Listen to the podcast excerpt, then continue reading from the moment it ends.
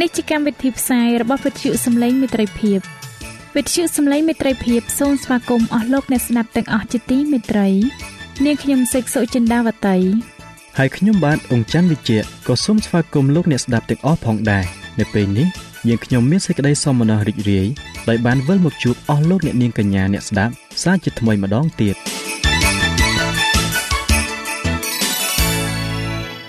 នាងខ្ញុំសេកសុចិន្តាវតី សូមជម្រាបជូនកម្មវិធីផ្សាយដែលមានជាបន្តបន្ទាប់ដូចតទៅនេតិជួបជាមួយព្រះបន្ទូលនេតិសុខភាព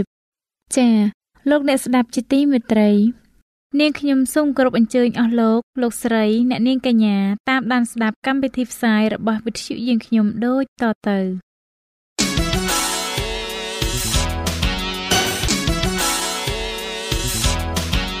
នេតិជួបជាមួយព្រះបន្ទូល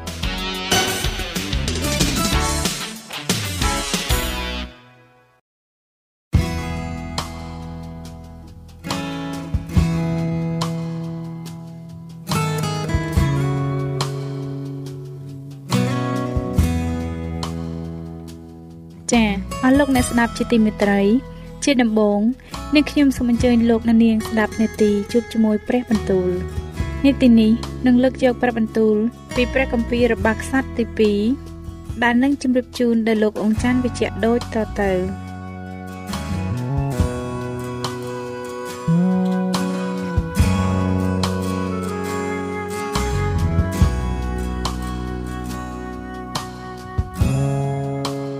ព្រះគម្ពីររបស់ខ្សត្រទី2ជំពូកទី31រីឯវេលាដែលការទាំងនោះបានរួចជាស្រេចហើយនោះពួកអ៊ីស្រាអែលដែលមកប្រជុំគ្នាក៏ចេញទៅឲ្យអស់ទាំងទីក្រុងស្រុកយូដាបំបាក់បំបាយបង្គោលថ្មទាំងប៉ុន្មានដែលសម្រាប់គោរពហើយកាប់រំលំរូបព្រះព្រមទាំងបំផ្លាញទីខ្ពស់និងអាសនៈទាំងប៉ុន្មាននៅពេញក្នុងស្រុកយូដាស្រុកបេនយ៉ាមីនស្រុកអេប្រាអឹមនិងស្រុកម៉ាណាសេដែរដរាបដល់បានលៀងចេញទាំងអស់ទៅរួចមក ពួកកូនចៅអ៊ីស្រាអែលក៏វិលត្រឡប់ទៅឯកេអាករនៅក្នុងទីក្រុងរបស់គេរៀងខ្លួនវិញហេសេគៀទ្រង់ក៏តាំងវេនពួកសង្ឃនិងពួកលេវីតាមផ្នែកពួកគេ គឺគ្រប់គ្នាតាមការងារដែលខ្លួនត្រូវធ្វើទាំងពួកសង្ឃនិងពួកលេវីដែរដើម្បីឲ្យបានថ្វាយដង្វាយដុតដង្វាយមេត្រីឲ្យធ្វើការងារផ្សេងផ្សេងព្រមទាំងពោលពាក្យអរព្រះគុណនិងពាក្យសរសើរនៅត្រង់អស់ទាំងទ្វារទីលំនៅនៃព្រះយេហូវ៉ាទ្រង់ក៏ថ្វាយព្រះរាជទ្រព្យ មួយចំណែកទុកសម្រាប់ជាដង្វាយដុតគឺដង្វាយដុតពេលព្រឹកនិងពេលល្ងាចដង្វាយដុតនៅថ្ងៃជប់សម្រាកនិងនៅថ្ងៃចូលខែហើយនៅថ្ងៃបុណ្យដែលមានកំណត់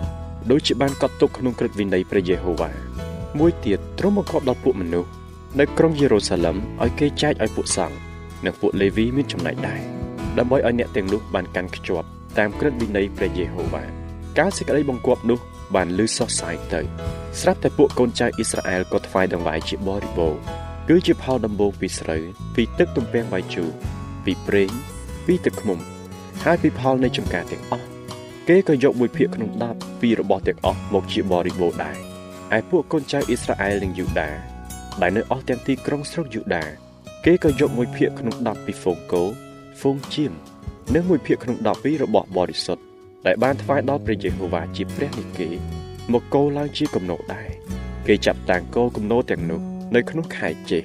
រួចដល់ខែអាសត់ទើបបានហើយកាលហេសេគៀនិងពួកអ្នកជាប្រធាន បានមកឃើញគំនោទាំងនោះគេក៏សរសើរដំណើរដល់ព្រះយេហូវ៉ាព្រមទាំងអ៊ីស្រាអែលជារាជទ្រង់ហើយហេសេគៀទ្រង់សាកសួរពួកសង្ឃនិងពួកលេវីពីដំណើរគំនោដង្វាយទាំងនោះនោះអាសារៀជាសម្ដេចសង្ឃដែលជាវង្សសាដុក លោកទូលថាចាប់តាំងពីវេលាដែលគេផ្ដើមនាំយកដង្វាយមកក្នុងព្រះវិហារនៃព្រះយេហូវ៉ានោះយើងខ្ញុំបានទទួលទានឆ្អែតហើយមាននូវសល់ជាបរិបូរផងបិទព្រះយេហូវ៉ាទ្រង់បានប្រទានពរដល់រាជទ្រង់ហើយសំណល់ដែលសល់នោះគឺជាគំនរយ៉ាងធំទាំងនេះឯងដូច្នេះហេសេគៀក៏បង្គាប់ឲ្យរៀបចំបន្ទុកនៅក្នុងព្រះវិហារនៃព្រះយេហូវ៉ាគេក៏រៀបចំរួចនាំយកដង្វាយស្ម័គ្រពីចិត្តដង្វាយមួយភាគក្នុង10 និងដង្វាយបរិសុទ្ធមកទុកក្នុងបន្ទប់នោះដោយស្មោះត្រង់មានកូនណានីជាពួកលេវី ជាអ្នកត្រួតលើរបស់ទាំងនោះ និងស៊ីម៉ាយប្អូនលោកជាអ្នកទី2រួចយេហ៊ីអែលអាសាសៀណាហាត់អាសេអែលយេរីម៉ូតយូសាបាតអេលៀលយីស្មាគៀមហាតនិងវេនាយ៉ាគេសុទ្ធតែជាអ្នកត្រួតលើការនោះ នៅក្រៅអំណាចកូណានីនិងស៊ីម៉ាយប្អូនលោក តាមបង្គាប់ស្ដេចហេសេគៀនិងអាសារៀជាអ្នកគ្រប់គ្រងនៅព្រះវិហារនៃព្រះហើយកូរ៉េកូនយីបណា ជាពួកលេវីដែលចាំទ្វារខាងកើតលោកត្រួតលើដង្វាយដែលថ្វាយដល់ព្រះដោយស្ម័គ្រពីចិត្តដើម្បីនឹងចែកដង្វាយរបស់ផងព្រះយេហូវ៉ាព្រមទាំងរបស់បរិសុទ្ធបំផុតនៅក្រោមអំណាចលោកនោះមានអេដែនមីនយ៉ាមីនយេស៊ូសេម៉ាយ៉ាអាម៉ារីយ៉ានិងសេកានីដែលនៅអស់ទាំងទីក្រុងរបស់ពួកសង្ឃ ជាអ្នកចែកដល់បងប្អូនគេទាំងធំទាំងតូចតាមវេនឲ្យស្មើគ្នាដោយចិត្តស្មោះត្រង់គឺជាពួកប្រុសប្រុសដែលបានកត់ទុកក្នុងបញ្ជីចាប់តាំងពីអាយុ3ឆ្នាំឡើងទៅលើ ជាពួកអ្នកដែលចូលទៅក្នុងព្រះវិហារនៃព្រះយេហូវ៉ាតាមតែត្រូវការរាល់តែថ្ងៃសម្រាប់ការងារដែលផ្ញើទុកនឹងគេតាមវេនរៀងខ្លួននិងពួកអ្នកដែលបានរាប់តាមពងសាវតានៃពួកសង្ឃតាមវងរបស់ឪពុកគេ ហើយនិងពួកលេវីចាប់តាំងពីអាយុ20ឆ្នាំឡើងទៅលើ តាមការងារតាមវេនគេព្រមទាំងពួកអ្នកដែលបានរាប់តាមពងសាវតានៃពួកកូនតូចតូចប្រពន្ធនិងកូនប្រុសកូនស្រីរបស់គេ នៅគ្រប់ក្នុងពួកជំនុំត្បិតអ្នកទាំងនោះបានញែកខ្លួនចេញជាបរិសុទ្ធខំធ្វើការងារនោះដោយឥតសៅមកហើយចំណាយពួកកូនចៅអេរ៉ុនជាពួកសង្ឃដែលនៅចំការក្នុងក្រវល់ជុំវិញទីក្រុងរបស់គេនោះមានមនុស្សដែលបានចេញឈ្មោះជាស្រេចនៅគ្រប់ទាំងទីក្រុង ទុកសម្រាប់នឹងចែកចំណែកឲ្យដល់ពួកប្រុសប្រុសក្នុងពួកសង្ឃនោះនិងដល់អស់អ្នកដែលបានរាប់តាមពងសាវតាតាមពួកលេវីហេសេគៀទ្រង់បានធ្វើដូច្នោះនៅគ្រប់ក្នុងស្រុកយូដាទ្រង់ប្រព្រឹត្តសេចក្តីដែលល្អត្រឹមត្រូវហើយស្មោះត្រង់នៅចំពោះព្រះយេហូវ៉ាជាព្រះនៃទ្រង់ហើយគ្រប់ទាំងការដែលទ្រង់ចាប់តាំងធ្វើសម្រាប់ការងារក្នុងព្រះវិហារនៃព្រះនិងខាងឯក្រឹតវិន័យហើយបញ្ញត្តិទាំងប៉ុន្មានផងដើម្បីនឹងស្វែងរកតាមព្រះនៃទ្រង់ នោះទ្រង់ក៏បានធ្វើដោយអស់ពីព្រះតីហើយបានចម្រើនដែរព្រះគម្ពីររបស់ខ្សត្រទី2ចំពុកទី32ក្រោយគ្រប់ទាំងការជាអំពើស្មោះត្រង់ទាំងនោះមកនោះសានហេរីបជាស្ដេចស្រុកអាសឺទ្រង់ទន្ទ្រានចូលមកក្នុងស្រុកយូដាបោះទ័ពច្បាំងនឹងអស់ទាំងទីក្រុងមានបន្ទាយដោយប្រាថ្នាចង់ចាប់យកទីក្រុងទាំងនោះកាលហេសេគៀទ្រង់ឃើញថាសានហេរីបបានមកដូច្នោះ ហើយមុខជាគិតមកច្បាំងនឹងក្រុងយេរូសាឡឹមដែរនោះទ្រង់ក៏ប្រឹក្សានឹងពួកអ្នកជាប្រធាន ហើយនឹងពួកមនុស្សខ្លាំងពូកែរបស់ទ្រង់សម្រាប់នឹងទប់ប្រឡាយទឹកទាំងប៉ុន្មាន ដែលនៅខាងក្រៅទីក្រុង ហើយពួកអ្នកទាំងនោះក៏ជួយ គេប្រមូលមនុស្សជាច្រើនមកទប់អស់ទាំងប្រឡាយទឹកនិងជ្រោះទឹកដែលហូរកាត់ស្រុកនោះដោយនិយាយគ្នាថានឹងទុកឲ្យពួកស្ដេចអេសឺមកដល់ទីនេះឃើញមានទឹកជាច្រើនធ្វើអីទ្រង់មានប្រតិយខ្លាឡើង ក៏សង់កំផែងដែលបាក់បែកឡើងវិញ ហើយឲ្យស្មើនឹងប៉មទាំងប៉ុន្មានព្រមទាំងសង់កំផែងមួយទៀតនៅខាងក្រៅហើយធ្វើឲ្យប៉មមីឡូដែលនៅក្នុងក្រុងដាវីតបានមួមមួនឡើងផងក៏ធ្វើគ្រឿងសាស្ត្រាវុធនិងខែលជាបរិបូរទ្រង់តាំងឲ្យមានមេក្រសួងសឹកត្រួតលើបណ្ដាជនក៏ប្រមូលជនទាំងឡាយមកឯទ្រង់នៅទីធ្លាត្រង់មាត់ទ្វារទីក្រុង មានបន្ទូលកំសាន្តចិត្តគេថា ចូលមានកម្លាំងឡើង ហើយចិត្តក្លាហានចោះកុំឲ្យភ័យខ្លាចឬស្រយុតចិត្តដោយព្រោះស្ដេចអាសឺនិងពួកពលទាំងហ្វូងដែលមកជាមួយនោះឡើយត្បិតនៅខាងយើងមានមួយអង្គដែលពូកែជាងពួកគេទៅទៀតចំណែកគេ មានតែដៃខាងសាច់ឈាមប៉ុណ្ណោះតែខាងយើងវិញមានព្រះយេហូវ៉ាជាព្រះនៃយើងរាប់គ្នាសម្រាប់នឹងជួយហើយធ្វើចម្បាំងជំនួសយើងពួកបណ្ដាជនក៏ផ្អែកចិត្តទៅលើព្រះបន្ទូលនៃហេសេគៀជាស្ដេចយូដា ក្រោយនោះមកសានហេរីបជាស្ដេចអាសឺទ្រង់ចាត់រាជទូតទៅឯក្រុងយេរូសាឡឹមចំណែកឯទ្រង់និងពលទ័ពទាំងអស់របស់ទ្រង់ក៏នៅមុខក្រុងឡាគីរាជទូតនោះក៏មកឯហេសេគៀជាស្ដេចយូដា និងពួកយូដាទាំងប៉ុន្មាន ជាពួកអ្នកដែលនៅក្រុងយេរូសាឡឹមដោយនិយាយថាសានហេរីបជាស្ដេចអាសឺទ្រង់មានបន្ទូលដូច្នេះថាតើឯងរកគ្នាទុកចិត្តអាងដល់អ្វី បានជាចេះតែនៅក្នុងក្រុងយេរូសាឡឹមនេះ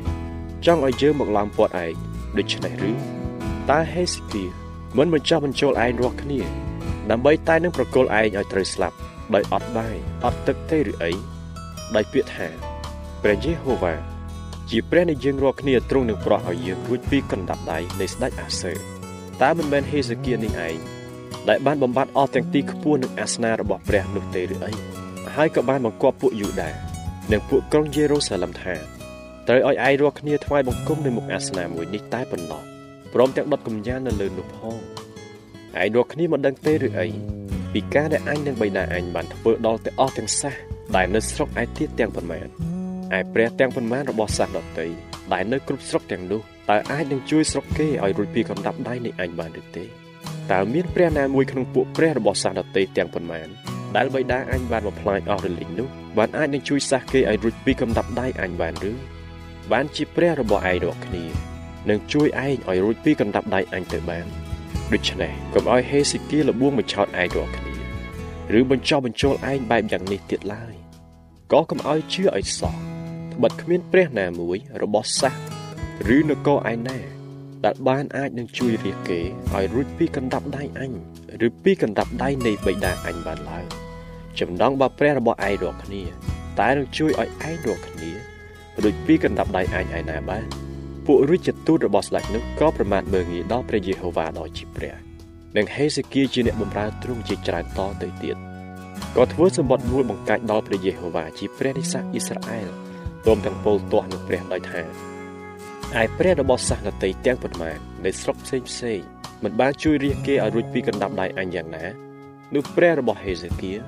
ក៏មិនអាចនឹងជួយរាជខ្លួនឲ្យរួចពីកណ្ដាប់ដៃអញបានដូច្នោះដែរពួកទូតនោះក៏ស្រែកយ៉ាងខ្លាំងជាភាសារបស់ពួកយូដាដល់ពួកក្រុងយេរូសាឡឹមដែលនៅលើកំផែងដើម្បីនឹងគម្រាមបំភ័យឲ្យគេវល់គំនិតប្រយោជន៍ឲ្យអាចនឹងយកទីក្រុងបានគេបាននិយាយពីព្រះនៃក្រុងយេរូសាឡឹមទុកជាអស់ទាំងព្រះរបស់សាសនតីទាំងប៉ុន្មាននៅផែនដី ជាព្រះដែលជាស្នាដៃរបស់មនុស្សលោកទេដូច្នេះស្ដេចហេសេគៀ និងហោរ៉ាអេសាយជាកូនអាម៉ូសក៏អធិស្ឋានពីដំណើរនោះ ហើយអំពាវនាវដល់ស្ថានសួគ៌រួចព្រះយេហូវ៉ាទ្រង់ចាត់ទេវតាឲ្យមកបំផ្លាញមនុស្សខ្លាំងពូកែដែលមានចិត្តក្លាហានក្នុងទីបោះទ័ពរបស់ស្ដេចអាសឺព្រមទាំងពួកអ្នកនាំមុខនិងពួកមេទ័ពទាំងអស់ទៅនោះស្ដេចទ្រង់ក៏វិលទៅឯនគររបស់ទ្រង់វិញដោយសេចក្តីអៀនខ្មាស់ហើយកាលទ្រង់បានចូលទៅក្នុងវិហារនៃព្រះរបស់ទ្រង់នោះបទបង្កើតរបស់ទ្រង់ក៏ធ្វើគុតទ្រង់ ដោយដាវនៅទីនោះគឺយ៉ាងនោះដែលព្រះយេហូវ៉ាទ្រង់ជួយសង្គ្រោះហេសេគៀនិងពួកអ្នកនៅក្រុងយេរូសាឡឹមឲ្យរួចពីកណ្ដាប់ដៃនៃសាហេរីបជាស្ដេចស្រុកអាសឺហើយពីកណ្ដាប់ដៃនៃសត្រូវឯទៀតព្រមទាំងការពារនៅគ្រប់ទិសផងក៏មានមនុស្សជាច្រើននាំយកដង្វាយមកថ្វាយដល់ព្រះយេហូវ៉ានៅក្រុងយេរូសាឡឹមនិងរបស់មានតម្លៃផ្សេងផ្សេងថ្វាយដល់ហេសេគៀជាស្ដេចយូដាដែរ ដល់ម្លេះបានជាទ្រង់បានថ្កុំថ្កើងឡើងនៅភ្នែកនៃអស់ទាំងសាសដតីតរៀងទៅ នៅគ្រានោះហេសេគៀទ្រង់ចាប់ប្រជូនជាធ្ងន់ហៀបនឹងសុគតតែទ្រង់អធិស្ឋានដល់ព្រះយេហូវ៉ាហើយព្រះយេហូវ៉ាទ្រង់មានបន្ទូលមកព្រមទាំងប្រាប់ទីសង្កល់ដល់ស្ដេចប៉ុន្តែហេសេគៀទ្រង់មិនបានសងព្រះគុណតាមដែលព្រះបានប្រោះដល់ទ្រង់នោះទេត្បិតទ្រង់មានប្រតិយកម្រើកធំឡើងបានជាមានសេចក្តីក្រោធមកគ្របលើទ្រង់និងពួកយូដាហើយពួកក្រុងយេរូសាឡឹមវិញ ប៉ុន្តែហេសេគៀទ្រង់បានបន្ទាបប្រតិយចោះពីការដែលមានចិត្តធំនោះទៅព្រមទាំងពួកអ្នកនៅក្រុងយេរូសាឡឹមផងបានជាសេចក្តីក្រោធរបស់ព្រះយេហូវ៉ាមិនបានធ្លាក់មកលើគេនៅក្នុងគ្រាហេសេគៀឡើយឯហេសេគៀទ្រង់មានព្រះរាជទ្រព្យនិងកិត្តិនាមយ៉ាងក្រៃលែងទ្រង់បានធ្វើឃ្លាំងសម្រាប់ដាក់ប្រាក់មាសត្បូងមានតម្លៃគ្រឿងក្រអូបនិងខែលហើយនៅគ្រឿងប្រដាប់ល្អគ្រប់មុខក៏ធ្វើឃ្លាំងដាក់ស្រូវ ទឹកទំពាំងបាយជូរនិងប្រេងព្រមទាំងរងសម្រាប់ដាក់សត្វគ្រប់មុខនិងក្រោលសម្រាប់ហ្វូងជាក៏សង់ទីក្រុងផ្សេងផ្សេងសម្រាប់ទ្រង់ហើយមានហ្វូងគោហ្វូងជៀមជាបរិបូរណ៍ត្បិតព្រះបានប្រោះប្រទានឲ្យទ្រង់មានទ្រព្យសម្បត្តិជាច្រើនណាស់គឺហេសេគៀនេះឯងដែលបានទប់រុនទឹកខាងលើនៃជ្រោះគីហ៊ុន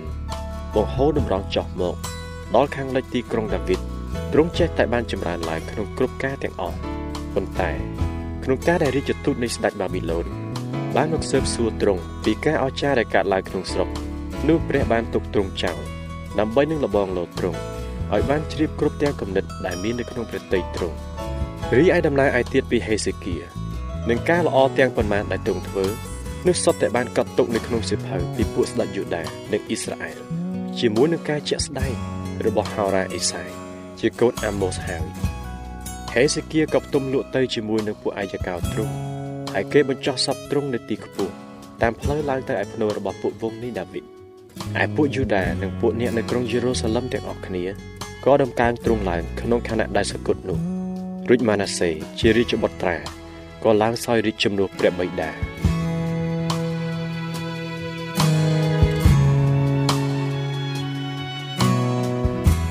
ចា៎ប្រិយមិត្តអ្នកស្ដាប់ជាទីមេត្រី ដោយពេលវេលាមានកំណត់យើងខ្ញុំសូមផ្អាកនាទីជប់ជាមួយព្រះបន្ទូលនេះត្រឹមតែប៉ុណ្ណេះសិនចុះដោយសន្យាថានឹងលើកយកនីតិនេះមកជម្រាបជូនជាបន្តទៀតនៅថ្ងៃស្អែកសូមអរគុណ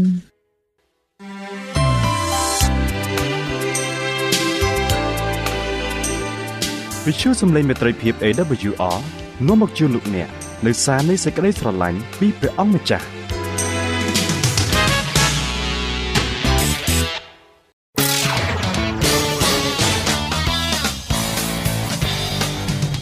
សូមជូននីតិសុខភាពច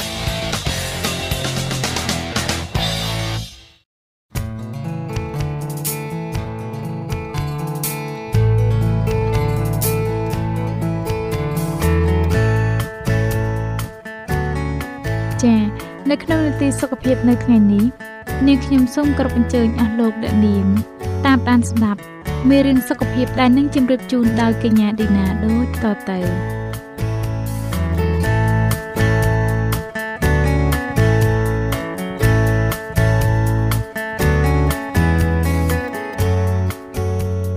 ចា៎អ្នកខ្ញុំសូមជម្រាបសួរអស់លោកអ្នកស្ដាប់ជាទីមេត្រីសូមឲ្យលោកអ្នកបានប្រកបដោយព្រះគុណនិងសេចក្តីសុខសាន្តអំពីព្រះដ៏ជាព្រះវរបិតានៃយើងហើយអំពីព្រះអង្គម្ចាស់យេស៊ូវគ្រីស្ទអ្នកខ្ញុំមានអំណរណាស់ដែលវិលមកជួបលោកអ្នកសាជាថ្មីនៅក្នុងនាទីសុខភាពនេះម្ដងទៀតកាលពីភាគទី2នាងខ្ញុំបានជម្រាបជូនលោកអ្នកពីចំណុចទី5រហូតដល់ទី9រួចមកហើយហើយនៅថ្ងៃនេះនាងខ្ញុំសូមលើកយកមេរៀនដដែលដែលមានចំណងជើងថាកលឹកខ្លះខ្លះនាំទៅរកសុភមង្គលចំណុចទី9រហូតដល់ចប់ ដូច្នេះនាងខ្ញុំសូមគោរពអញ្ជើញលោកអ្នកតាមដានស្ដាប់ភាគទី3ជាភាគបញ្ចប់ជាមួយនឹងនាងខ្ញុំដូចតទៅចំណុចទី10ការដឹងគុណលើកស្ទួយសុខភាពផ្លូវកាយនិងផ្លូវចិត្តតើអ្នកធុញថប់នៅក្នុងចិត្តឬសេចក្តីណែនាំទី1ត្រូវចាប់ផ្ដើមគិតពីអ្នកដតីហើយបង្ហាញនៅការដឹងគុណចំពោះនរណាម្នាក់ដែលមានសំណាងតិចជាងអ្នកសេចក្តីណែនាំទី2រាយបញ្ជីពីរឿងគ្រប់យ៉ាងដែលលោកអ្នកអរគុណ អានបញ្ជីនោះរាល់ថ្ងៃហើយសរសេរបន្ថែមជាបន្តបន្ទាប់ហើយសម្ដែងនៅការដឹងគុណសេចក្តីណែនាំទី3តាំងអារម្មណ៍សិញ្ជឹងគិតតែអំពីប្រធានបទសបាយរីករាយហើយនឹកគិតអំពីការឲ្យតម្លៃនិងការដឹងគុណលទ្ធផលនឹងបានដូចអសតព្យាបាលសេចក្តីណែនាំទី4បង្កើតបរិយាកាសសបាយដោយសំណើចឡើងវិញពោលគឺស្វែងរករឿងសបាយសបាយនៅក្នុងសភៅមួយក្បាលរបស់លោក Norman Cousin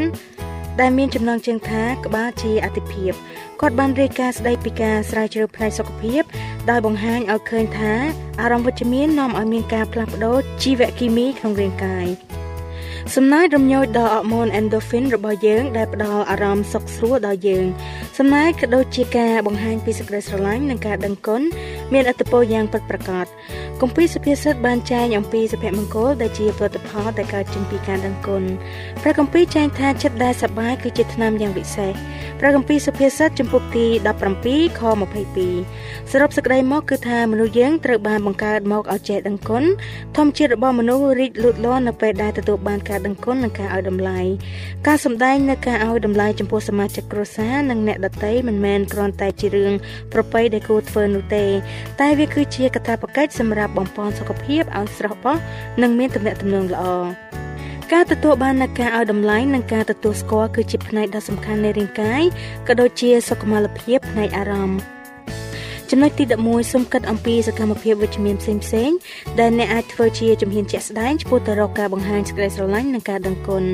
ធ្វើទង្វើដឹងគុណសម្រាប់សមាជិកម្នាក់ម្នាក់នៅក្នុងគ្រួសារលោកអ្នកសរសេរសម្បត្តិនៃសេចក្តីស្រឡាញ់រៀបចំផែនការភ្ញាក់ផ្អើលផ្សេងផ្សេងឲ្យកាដូផ្សេងផ្សេងដែលក្រៅពីកាដូខួបកំណើតប្រពធ្វើពិធីបុណ្យឲ្យពរដល់កូនម្នាក់ម្នាក់ អបអរសាទរជាមួយការជោគជ័យឬព្រឹត្តិការណ៍ផ្សេងផ្សេងចំណាយពេល1ម៉ោងនៅពេលល្ងាចឬពេលថ្វាយបង្គំប្រចាំគ្រួសារជាមួយសមាជិកម្នាក់ម្នាក់ដោយចែករំលែកនៅអ្វីដែលពួកគេសរសើរពីគ្នាទៅវិញទៅមក ចាប់ផ្ដើមដោយការប្រាប់ទៅម្ដាយថាពួកគេដឹងគុណអ្នកម្ដាយច្រើនប៉ុណ្ណា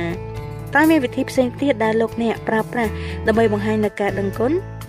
ចំណុចទី12ក្លិនក្រអូបនៃសេចក្តីស្រឡាញ់ចាយើងនឹងបញ្ចប់ជំពូកនេះជាមួយនឹងរឿងមួយស្ដីអំពីការដឹងគុណដែលបានកើតមានឡើងជិត2000ឆ្នាំមកហើយ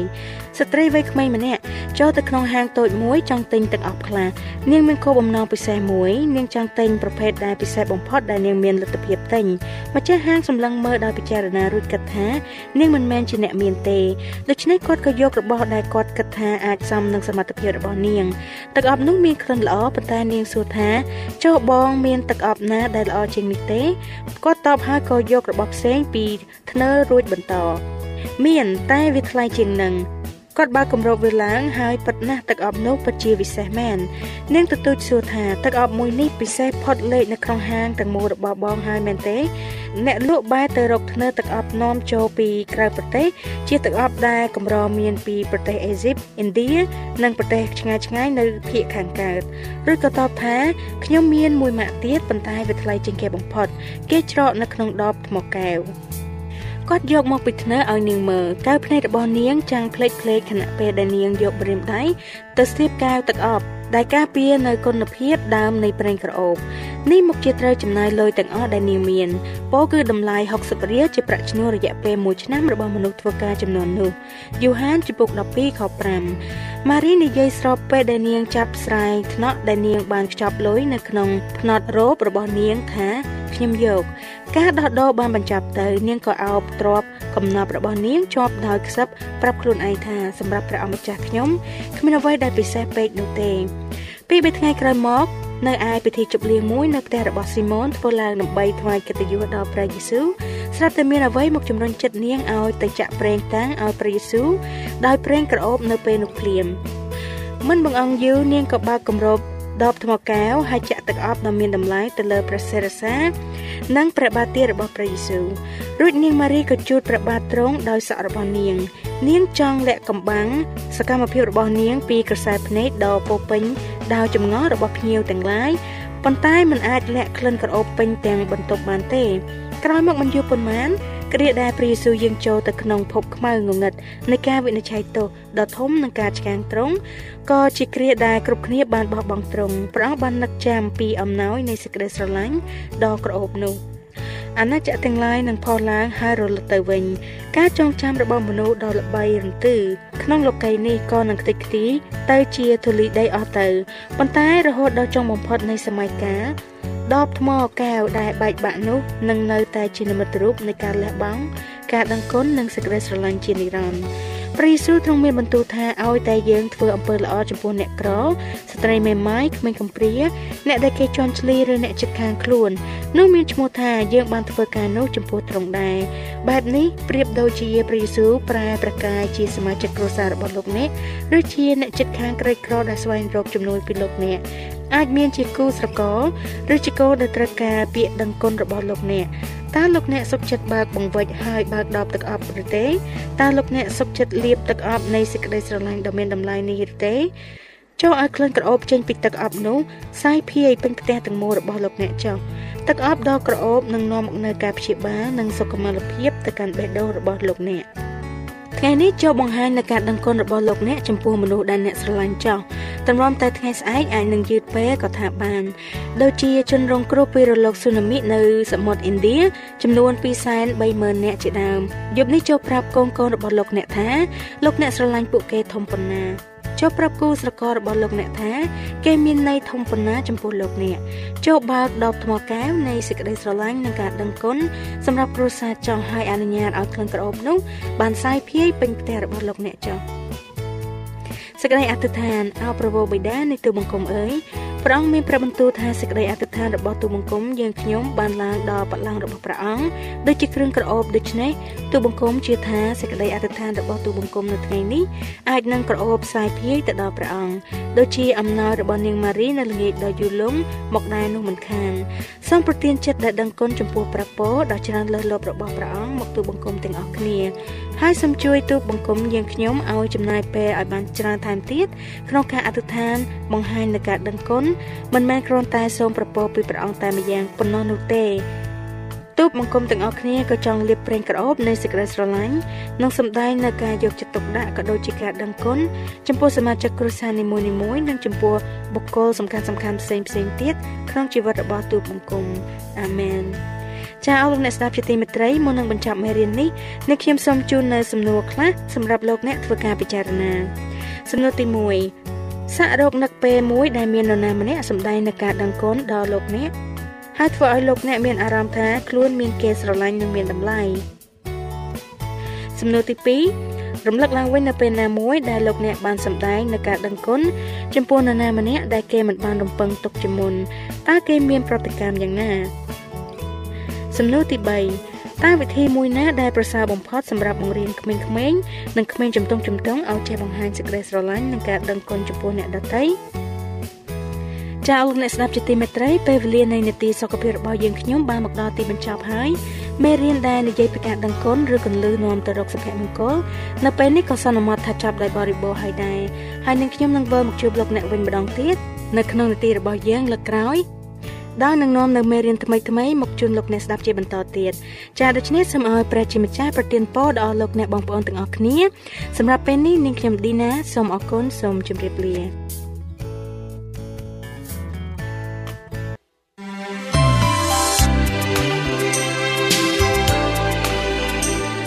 វិទ្យុសំឡេងមេត្រីភាព AWR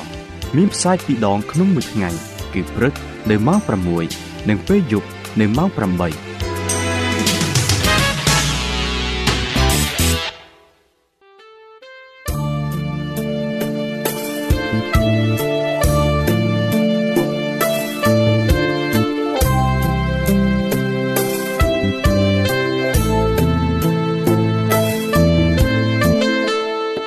សិនជាលោកអ្នកមានសំណួរ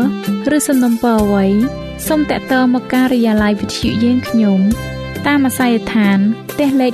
15ផ្លូវលេខ568សង្កាត់បឹងកក់2ខណ្ឌទួលគោករាជធានីភ្នំពេញលោកអ្នកក៏អាចសរសេរសម្បត្តិផ្ញើមកយើងខ្ញុំ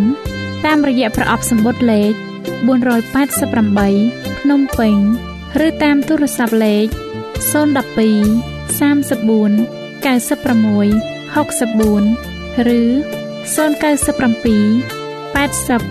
81 060ឬក៏តាមរយៈអ៊ីមែល vol@awr.org យើងខ្ញុំរងចាំទទួលស្វាគមន៍អស់លោកអ្នកនាងដោយក្តីសោមនស្សរីករាយហើយលោកអ្នកក៏អាចស្ដាប់កម្មវិធីនេះឡើងវិញដោយចូលទៅកាន់ website របស់វិទ្យុយើងខ្ញុំតាមរយៈអាស័យដ្ឋាន www.awr.org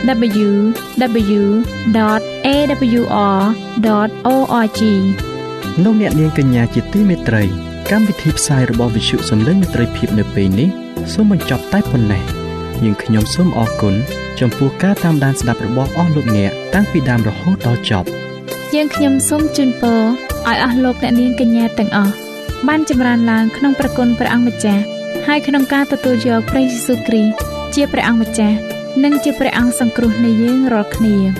នាទីផ្សាយរបស់វិទ្យុយើងខ្ញុំនឹងវិលមកជួបអស់លោកអ្នកសាជាថ្មីម្ដងទៀតនៅថ្ងៃស្អែកវេលាម៉ោងដដែលនាងខ្ញុំសេកសុចិន្តាវតីនិងខ្ញុំបាទអ៊ំច័ន្ទវិជ្ជៈសូមអរគុណសូមជម្រាបលា